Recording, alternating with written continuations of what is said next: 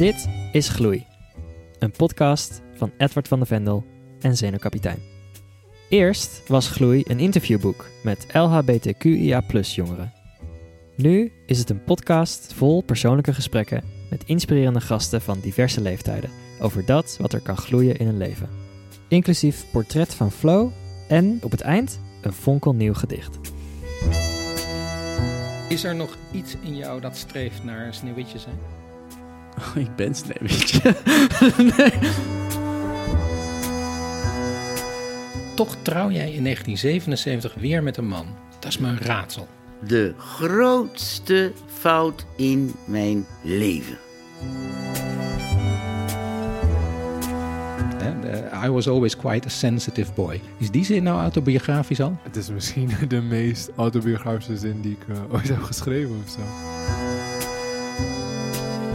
Vanaf 10 december in je podcast-app en op gloeipodcast.nl.